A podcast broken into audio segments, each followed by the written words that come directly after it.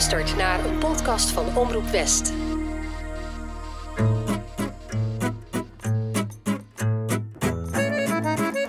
Bonjour, mijn naam is Tess en leuk dat je luistert naar Enchanté, de chanson podcast.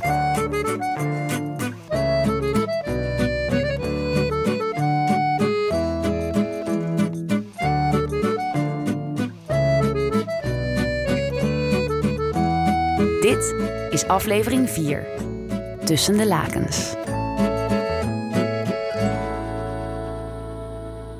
Allereerst wil ik beginnen met een woord van dank voor alle superleuke, bijzondere, enthousiaste reacties naar aanleiding van de allereerste afleveringen van Enchanté. Van eh, jong en oud, eh, mensen uit de hele regio tot zelfs luisteraars van buiten onze landsgrenzen. Te gek om te horen dat Franstalige muziek nog altijd zo leeft en hopelijk zelfs een soort van revival doormaakt. Mijn naam is Tess Merlot. En ik ben chansonnière. Maar ook performer, presentatrice en sinds kort podcastmaker. Van deze podcast dus. Enchanté in samenwerking met Omroep West. In deze vierde aflevering vertel ik je de ongecensureerde verhalen achter chansons die over het algemeen van de radio geweerd werden. Waarom? Omdat de radiobazen en bijvoorbeeld de paus er nogal rode oortjes van kregen. Deze aflevering gaat over grensverleggende, opwindende en poëtische chansons. Over een onderwerp dat zich graag in het genre laat bezingen. Het bedrijven van de liefde. Vous êtes prête? Bien, c'est parti!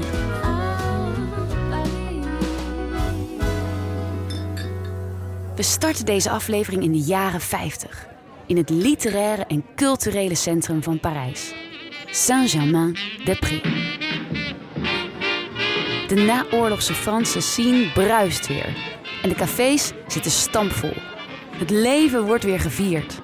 Van ochtends vroeg tot avonds laat zitten schrijvers aan kleine tafeltjes in Café Flore en Les Deux Magots te werken, terwijl ze afwisselend het glas heffen met hun literaire vrienden. Richting de nacht duikt iedereen de jazzkelders in, waar één man in het bijzonder opvalt. De jonge Boris Vian. Ingenieur, schrijver, dichter, jazztrompetist en chansonnier. Hij schrijft, componeert, speelt, creëert in een razend tempo. De reden? Al op vroege leeftijd wordt bekend dat hij hartproblemen heeft. Het trompetspelen wordt hem zelfs ontraden, omdat elke noot hem een dag van zijn leven kost. Maar Viantrek zegt daar niks van aan. In plaats daarvan besluit hij optimaal gebruik te maken van zijn tijd op aarde. En misschien is dat ook wel de reden dat hij geen enkel onderwerp schuwt. Als hij met de Amerikaanse rock roll wordt geïntroduceerd, spoedt hij onmiddellijk naar de schrijftafel. Twee elementen vergroot hij karikaturistisch uit: het sensuele aspect van het genre en de komedie. En zo komt het dat een van de allereerste Franstalige roll liedjes over een vrouw met sadomasochistische verlangens gaat.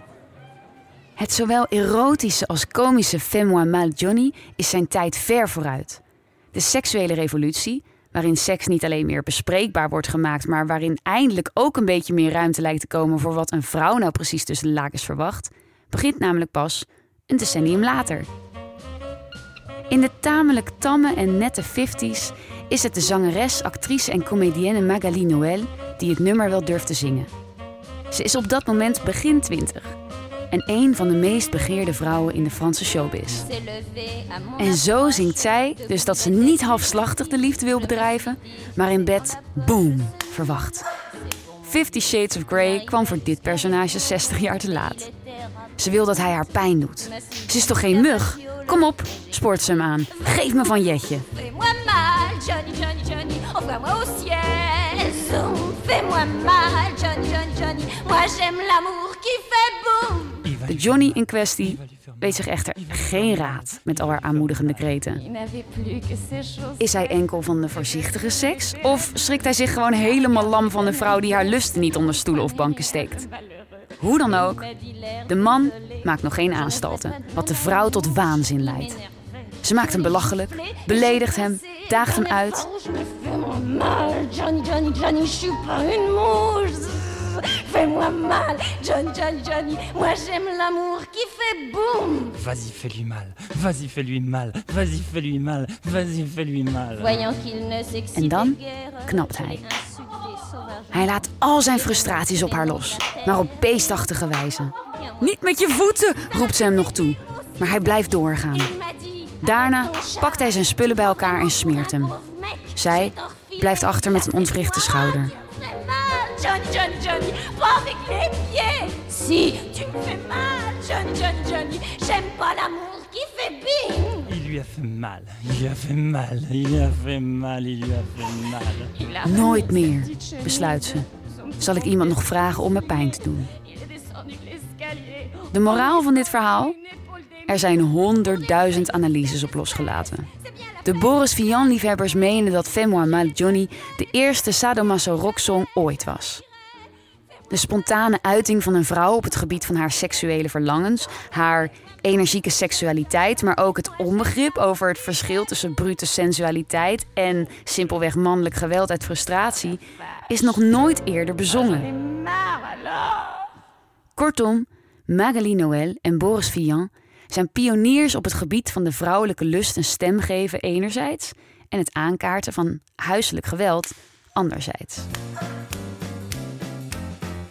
De 45 toerenplaat wordt in 1956 voor het eerst uitgebracht in Zwitserland, als uitprobeersel.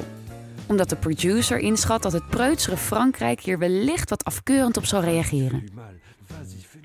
Een prima inschatting overigens, want het lied wordt in Frankrijk van de radio verbannen.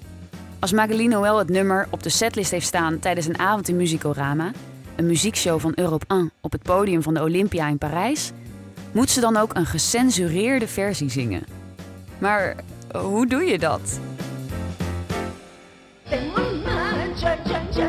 Bij elke gedurfde passage zingt ze uiteindelijk C'est censuré. Oftewel, dit is gecensureerd. Of ze zingt gewoon helemaal niks. C'est censuré, Johnny, Johnny, Johnny, c'est censuré. Hey, you, c'est censuré. Alors les gens rigolaient parce qu'ils disaient mais pourquoi elle me dit ça elle- C'est censuré. Zoom. Haar optreden kan rekenen op gefluit, maar ook op aanmoediging van onder andere Gilbert Bécaud. Il y avait une partie de, de la salle qui, qui applaudissait. En tijdens een ander optreden reageert de ene helft van de zaal ook dolenthousiast, terwijl de andere helft van de zaal uit onvrede dingen naar haar hoofd begint te gooien. même des bouteilles, j'ai reçu. Enfin, C'était vraiment un, un branle-bas de combat énorme. Kortom, de meningen over het lied zijn zwaar verdeeld.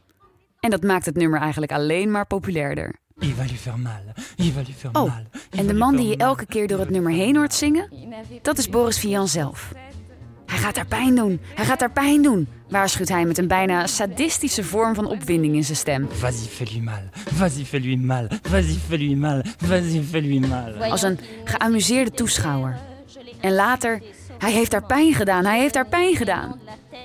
Het blijkt totale improvisatie van Vian zelf te zijn geweest, die de zangeres tijdens het opnemen achter de microfoon vergezelde. Il lui a fait mal. Il lui a fait mal. Il lui a fait mal. Il lui a fait mal. Waar in de Verenigde Staten vooral mannen de koningen zijn van de rock and roll, weet in Frankrijk een vrouw het genre voor het eerst naar buiten te brengen en naar zich toe te trekken. Het eerste sadomasochistische rockchanson aller tijden begon misschien als een groot schandaal, maar is inmiddels een waar icoon. En zo gaan we er nog meer horen in deze aflevering. J'en ai marre alors.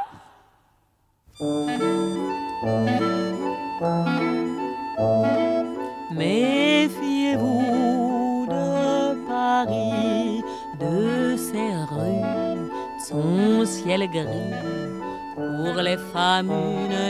Een van de meest geliefde en gewilde vrouwen van het chanson was zonder enige twijfel Juliette bras. Ze was de grote liefde van Miles Davis, de muze van Jean-Paul Sartre. De Beatles baseerden het liedje Michel op haar. En elke liedjeschrijver of dichter hoopte in die tijd dat Gréco hun teksten zou zingen. Gréco is net als vele chansonzangers en zangeressen van haar leeftijd een oorlogskind. Samen met haar moeder en haar zus speelt ze een rol in het verzet. Ze wordt in 1943 zelfs opgepakt en spendeert enkele maanden in de gevangenis. In tegenstelling tot haar zus en moeder wordt ze niet naar een kamp gedeporteerd, maar komt ze vrij vanwege haar jonge leeftijd. Ze is dan nog maar 16 jaar. Tot haar opluchting overleven ook haar moeder en zus de oorlog. En dan, in 1945, begint het leven voor de jonge Juliette pas echt. Je suis comme je suis. Je suis faite comme ça. Quand j'ai envie de rire, oui, je ris aux éclats. Een nieuwe wereld gaat voor haar open in de bruisende wijk, daar zijn we weer, Saint-Germain-des-Prés. Il n'y a plus d'après à Saint-Germain-des-Prés. Dit is waar de intellectuele elite elkaar ontmoet. En Juliette voelt zich er als een vis in het water.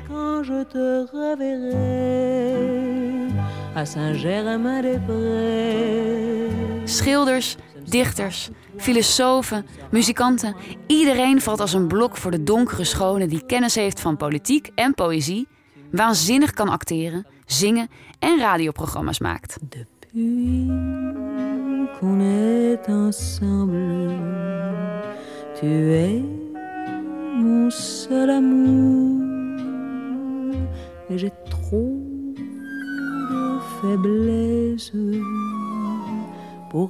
te quitter,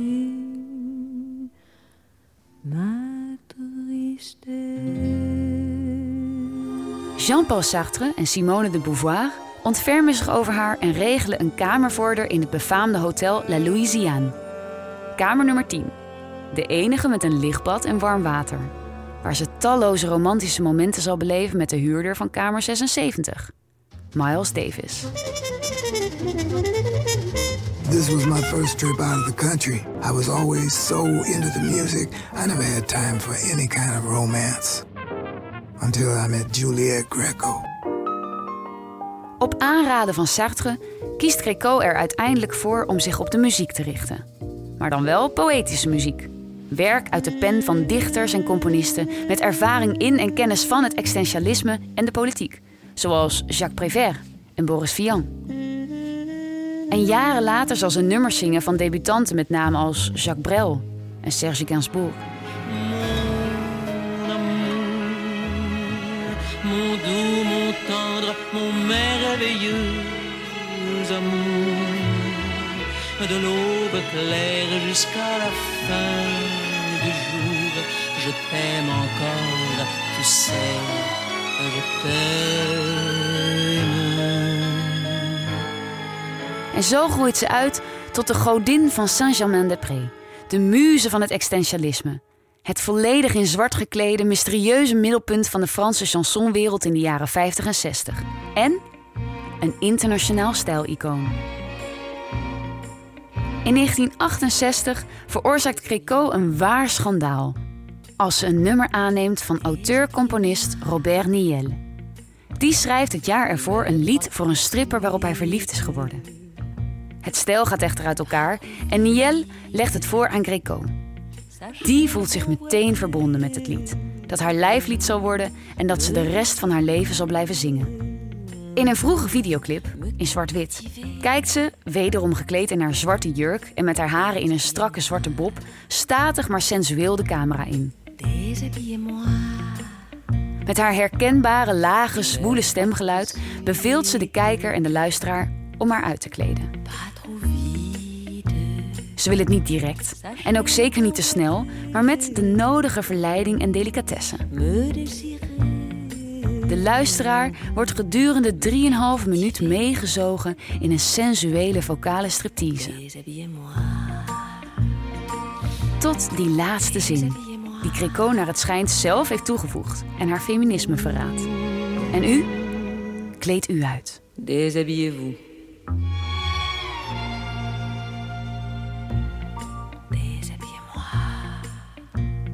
Het medialand in Frankrijk kan het allemaal niet aan. Het lied wordt geboycott op radiozenders, RTL, Europe 1 en France Inter. En ook het programma Télé Dimanche verbiedt Greco het nummer op tv te zingen. Déshabillez-moi wordt niet onder het kopje zinderende poëzie, maar onder platte pornografie geschaard. Je kunt het ze ook niet helemaal kwalijk nemen. De seksuele revolutie is immers nog amper op stoom gekomen. Maar het publiek voelt de verandering feilloos in de lucht hangen.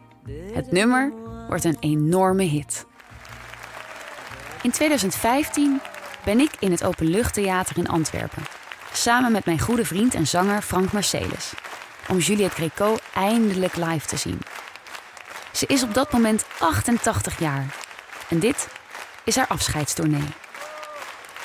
Onder luid applaus komt ze voorzichtig, maar verbazingwekkend elegant het podium opgelopen. Nog altijd gehuld in een zwarte jurk van velour. Haar haren, eveneens zwart en stijl. Haar donkere stem is zachter, lichter geworden en vertoont scheurtjes en kraakjes. Maar hier staat nog altijd dezelfde Greco als vroeger. Dezelfde elegantie en gratie. Dezelfde ondefinieerbare schoonheid. Toch vraag ik me af of haar haast letterlijke lijflied vanavond op de setlist staat. Die vraag wordt halverwege de set beantwoord als ze een nummer aankondigt dat ze, quote, eigenlijk niet meer zou mogen zingen. Maar, zegt ze, ik doe het toch. En dan nodigt ze haar publiek uit.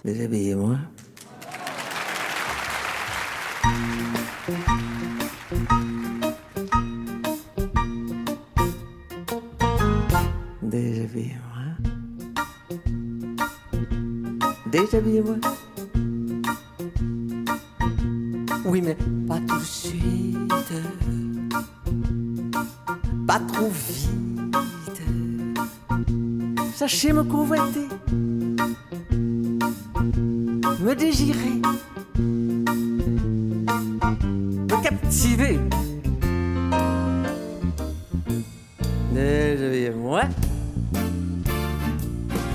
Vijf jaar later, op 23 september 2020, overlijdt Greco. Als een van de laatste grootheden van het chanson die alles hebben gezien en meegemaakt. De meest geliefde en bewonderde vrouw van de artistieke en intellectuele kringen in Saint-Germain-des-Prés. De vrouw die bewees dat schoonheid, charme en sensualiteit niets met leeftijd te maken hebben. Déshabillez-moi. En dan? Een nummer waarvan je wist dat hij in deze aflevering zou komen. Ben je er klaar voor? Komt-ie.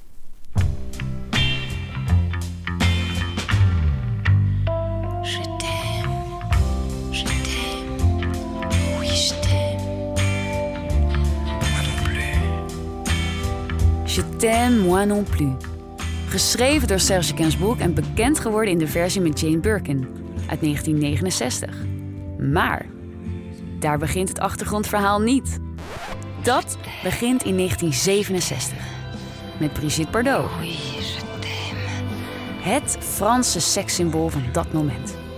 De twee liggen doorverliefd en in elkaar verstrengeld in Gainsbourgs bed als zij hem vraagt om speciaal voor haar het allermooiste liefdesliedje ooit te schrijven.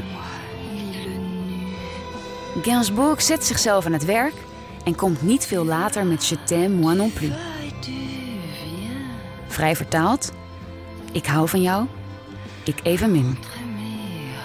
Tijdens een twee uur durende sessie in een Parijse studio nemen de twee het duet op, terwijl ze innig elkaars handen strelen. Later zal Bardot het moment omschrijven als het meest erotische uit haar leven.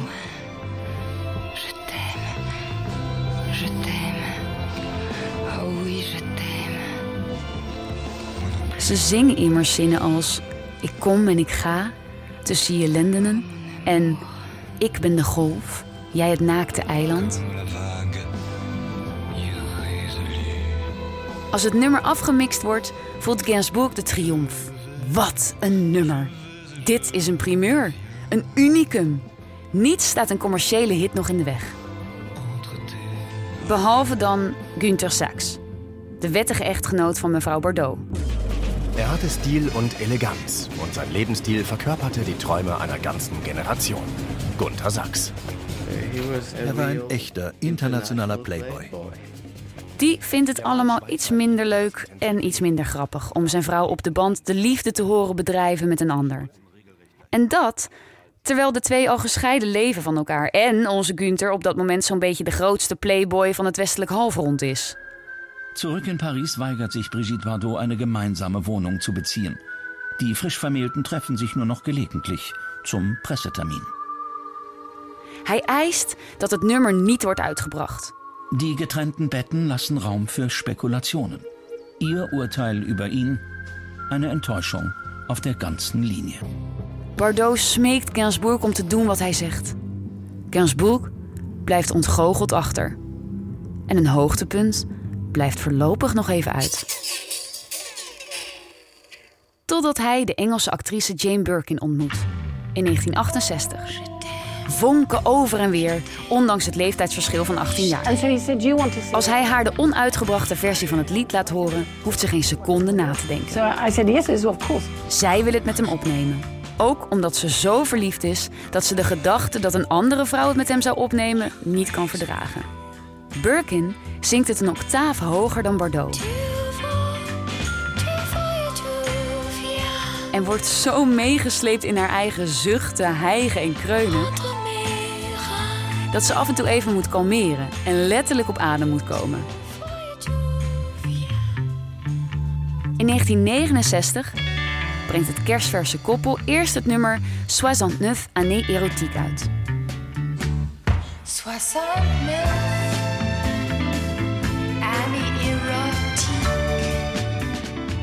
En dan is het tijd voor Je t'aime moi non plus. Finalement, moet Gainsbourg gedacht hebben. Natuurlijk is de weerstand gigantisch. Het is immers het eerste nummer waarin zogenaamd een vrijpartij en een orgasme te horen is. Platenlabel Philips is er al een beetje op voorbereid en brengt het voor de zekerheid maar uit onder een naam van een dochteronderneming, Fontana. En inderdaad, de reacties zijn niet van de lucht. Niet alleen in Frankrijk, maar in heel Europa en zelfs de rest van de wereld is men zowel gefascineerd als diep geschokt. De officiële Vaticaanse krant brengt zelfs een artikel uit dat volledig aan het nummer gewijd is.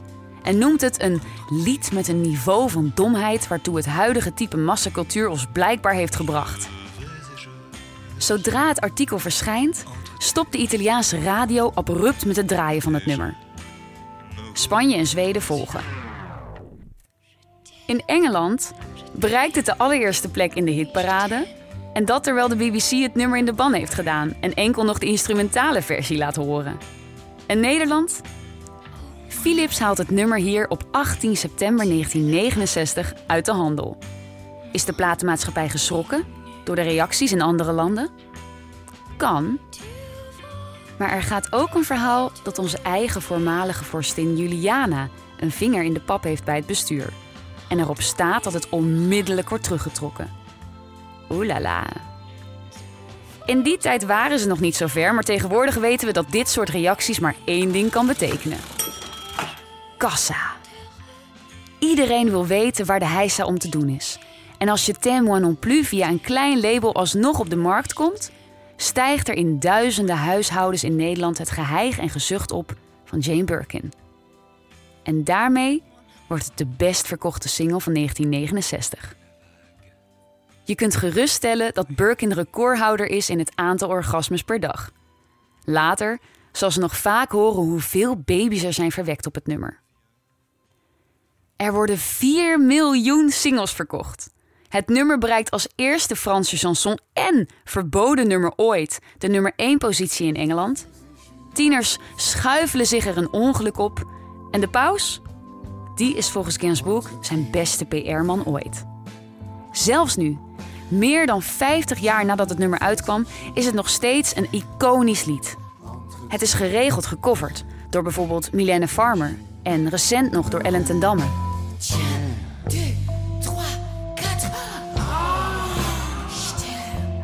En zelfs ik heb me er een keer aan gewaagd. Jaren geleden. Samen met de Haagse producer en componist Bart Liebeert, die het nummer in een soort van synthpop jasje stak. Het nummer is vast nog wel ergens in de krochten van het internet te vinden, maar no way dat ik dat natuurlijk hier ga laten horen.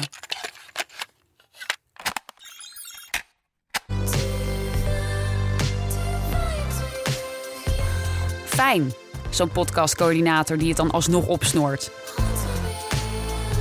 Zo is het wel goed, uh, Richard. Klaar nu. Klaar nu.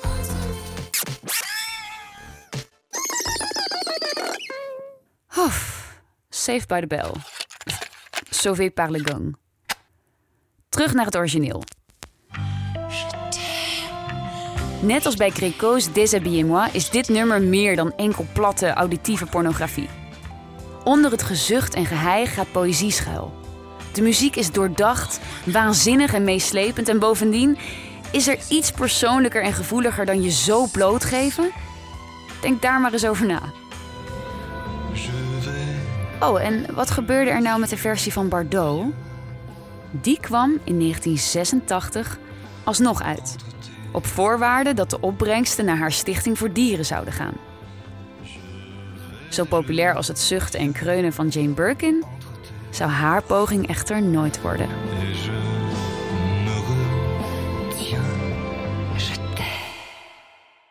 Georges Brassens was van alle Franse artiesten misschien wel de man die het meest poëtisch over seks kon zingen. Jamais de la vie on ne l'oubliera, la première fille qu'on a pris dans ses bras. Brassens is zo'n artiest die in Nederland eigenlijk helemaal niet zoveel bekendheid geniet als een Jacques Brel, een Charles Aznavour of een Edith Piaf. Maar in Frankrijk zeker in dat rijtje thuis hoort. En als een van de allergrootste liedjesmakers aller tijden wordt beschouwd. Wijs blind een stad of dorp op een kaart aan, rijd erheen en iedereen zal zijn bekendste liedjes meezingen. Reden genoeg om hem juist in deze podcast in het zonnetje te zetten. Zijn bekendste liedjes zijn onder andere Les Copains d'abord. Et s'appelait les copains d'abord, les copains d'abord. La mauvaise réputation. Au village sans prétention, j'ai mauvaise réputation. Je me démène ou que je reste quoi, je passe pour un je ne sais quoi. Chanson pour l'Auvergnat. Ce n'était rien qu'un peu de miel, mais il m'avait chauffé le corps. Et dans mon âme il brûle encore à la manière d'un grand soleil. En les amoureux des bancs publics. Les amoureux qui se bécotent sur les bancs publics, bancs publics, bancs publics, en se foutant pas mal du regard oblique, ont des petites gueules bien sympathiques. In 2021 was het 100 jaar geleden dat Brassens werd geboren en 40 jaar geleden dat hij stierf. In Nederland werd dat dankzij mijn goede vriend en leraar Frans Sylvain Lelarge alsnog groots gevierd onder de liefhebbers. Sylvain, leg jij me nou eens even uit. Hoe komt het nou eigenlijk dat Brassens hier in Nederland helemaal niet zo bekend is? Bonjour Thijs. Ik zal het je vertellen. Zijn Frans is simpelweg te moeilijk. Brassens gebruikt heel literaire talen met afwisselend rauwe en verheven woorden. Dat vergt nogal wat van het Nederlandse publiek. Hij gebruikt bijvoorbeeld veel middeleeuwse uitdrukkingen en heeft bovendien de gewoonte om af en toe rijmen in het midden van een woord te gaan zoeken. Zelfs met een woordenboek en Wikipedia is het voor buitenlanders vaak moeilijk te snappen. Je moet eigenlijk door een Franse kenner geholpen worden of de goede vertalingen weten te vinden. En dat is zo jammer, want zijn nummers zijn geweldig. Het was Sylvain die mij kennis liet maken met het geweldige liedje 95%. 95 fois sur 100, la en baisant. Brassens zingt dat 95% van de tijd dat een vrouw de liefde bedrijft, ze zich eigenlijk kapot verveelt. Of ze er nu over zwijgt of het bekent, ze bleef er echt lang niet altijd plezier aan. In 2006 daagt de Spaanse actrice en zangeres Victoria Abril het nummer op aan alle mannen die op dat moment in het amfitheater in Montpellier aanwezig zijn, waar zij die avond speelt. C'est une chanson pour les femmes, mais moi je le dédie aux hommes. Attention, la femme qui possède tout en elle. Maar wacht eens even, steekt Brassens niet gewoon de draak met vrouwen hier? Absoluut niet. Hij keerde zich juist tegen seksisme. En ondanks of juist door zijn stoere taal toonde hij groot respect voor vrouwen. Hij was de eerste die liedjes schreef over prostituees als vrouw in plaats van als object. Bien toute la vie, elle fasse l'amour. Bien toute la vie, elle fasse l'amour. Qu'elle se marie. De vereniging van prostituees stuurde hem zelfs bedankbrieven. Oké, dan kan ik met een gerust hart door naar het volgende nummer. Fernande. Quand je pense à Fernande, je bande, je bande. In 2009 heeft ook zangeres en singer-songwriter Carla Bruni het nummer van Brassens op de setlist staan, van een live concert. Carla Bruni is overigens ook model. En de kerstverse vrouw van de op dat moment zittende president Nicolas Sarkozy. Ze kondigt het liedje als volgt aan. C'est une chanson de Georges Brassens. Een liedje van Georges Brassens dat op de radio verboden was. Interdite à la radio. Mm. Men ontraadde het me te zingen, maar ik zing het lekker toch, zegt ze. Comment déconseiller de vous chanter hm? Mais je la chante quand même. Une manie de vieux garçon, moi j'ai pris l'habitude. Het is een echt Brassens-chanson. In melodie, maar ook in tekst. Als je het Franse werkwoord bandé kent, dan weet je waarom heel Frankrijk opeens rode oortjes kreeg. Ken je het woord niet? Zoek het dan maar eens op in het woordenboek. Het heeft iets te maken met overeind staan. Sarkozy's presidentschap bleef overigens niet heel lang overeind. Nadat zijn termijn in 2012 ten einde was gekomen, werd hij niet herkozen. Aan zijn vrouw zal het in elk geval niet gelegen hebben. Ook vandaag de dag wordt er nog genoeg prachtige en te gekke Franstalige muziek gemaakt. Elke aflevering geef ik luistertips binnen het thema. En wat valt mij in de Franstalige popmuziek van nu op? Als we kijken naar liedjes die specifiek gaan over de liefdebedrijven, dan zijn het vooral de vrouwen die hierin floreren en geen blad voor de mond nemen. Maar ze pakken het wel poëtisch en melodieus aan. Numéro 3. Elodie Frégé met La Ceinture. Rien ne dure au-dessus de la ceinture. Wat een schitterend chanson. Geschreven door Benjamin Biolay, die overigens duidelijk laat horen dat er nog steeds leven is naar Serge Gainsbourg. Sensueel, dubbelzinnig, poëtisch. Frégé zingt hoe ze niet wil kussen, maar liever bedrijft ze gewoon de liefde.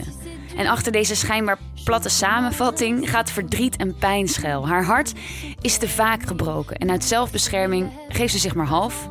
En dan is met name de helft onder de riem. De videoclip is bovendien echt prachtig in al zijn eenvoud. Geniaal, echt het kijken waard. Numéro 2. Zazie. Un point, c'est toi. We gaan toch even terug in de tijd, naar de jaren 90, toen dit nummer uitkwam. En Zazie al behoorlijk vooruitstrevend was. Als je de video op uh, YouTube wil bekijken, dan word je al gewaarschuwd voor expliciete beelden. Want stel je voor dat je twee naakte mannen uit een meer zou zien komen. Nou, Zazie gaat verder waar Juliette Gréco gebleven was en verzoekt de man zich uit te kleden in deze super vrolijke 90s creatie.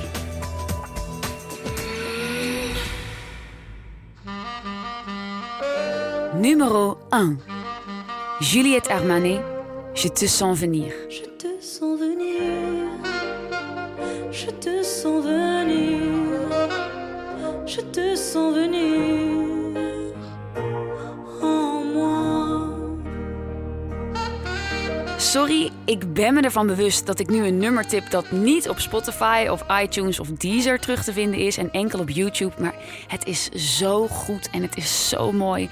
Juliette Armanet coverde en vertaalde het nummer I Feel It Coming van Daft Punk en The Weeknd bij Le Figaro Live. En het is prachtig en sexy tegelijk. Eh, Zoek het op op YouTube. Je te sens venir. Je te sens venir, je te sens venir, je te sens venir en moi. En dit was hem weer, de vierde aflevering van Enchanté, de chanson podcast. De intromuziek is van Leon Siebem en van mij, Tess Merlot, met accordeonspel van Lars Visser.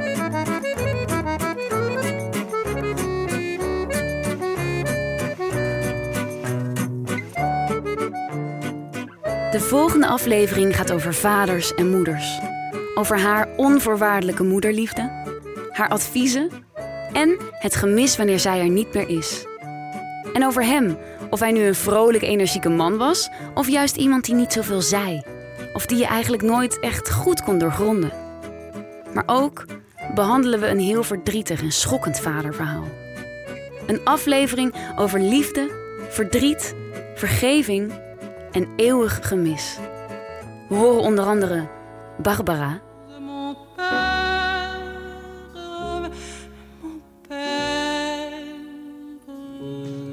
Arnaud, Hier, c'était le passé. Aujourd'hui, la vérité. Nicoletta, Stromae en Daniel Guichard.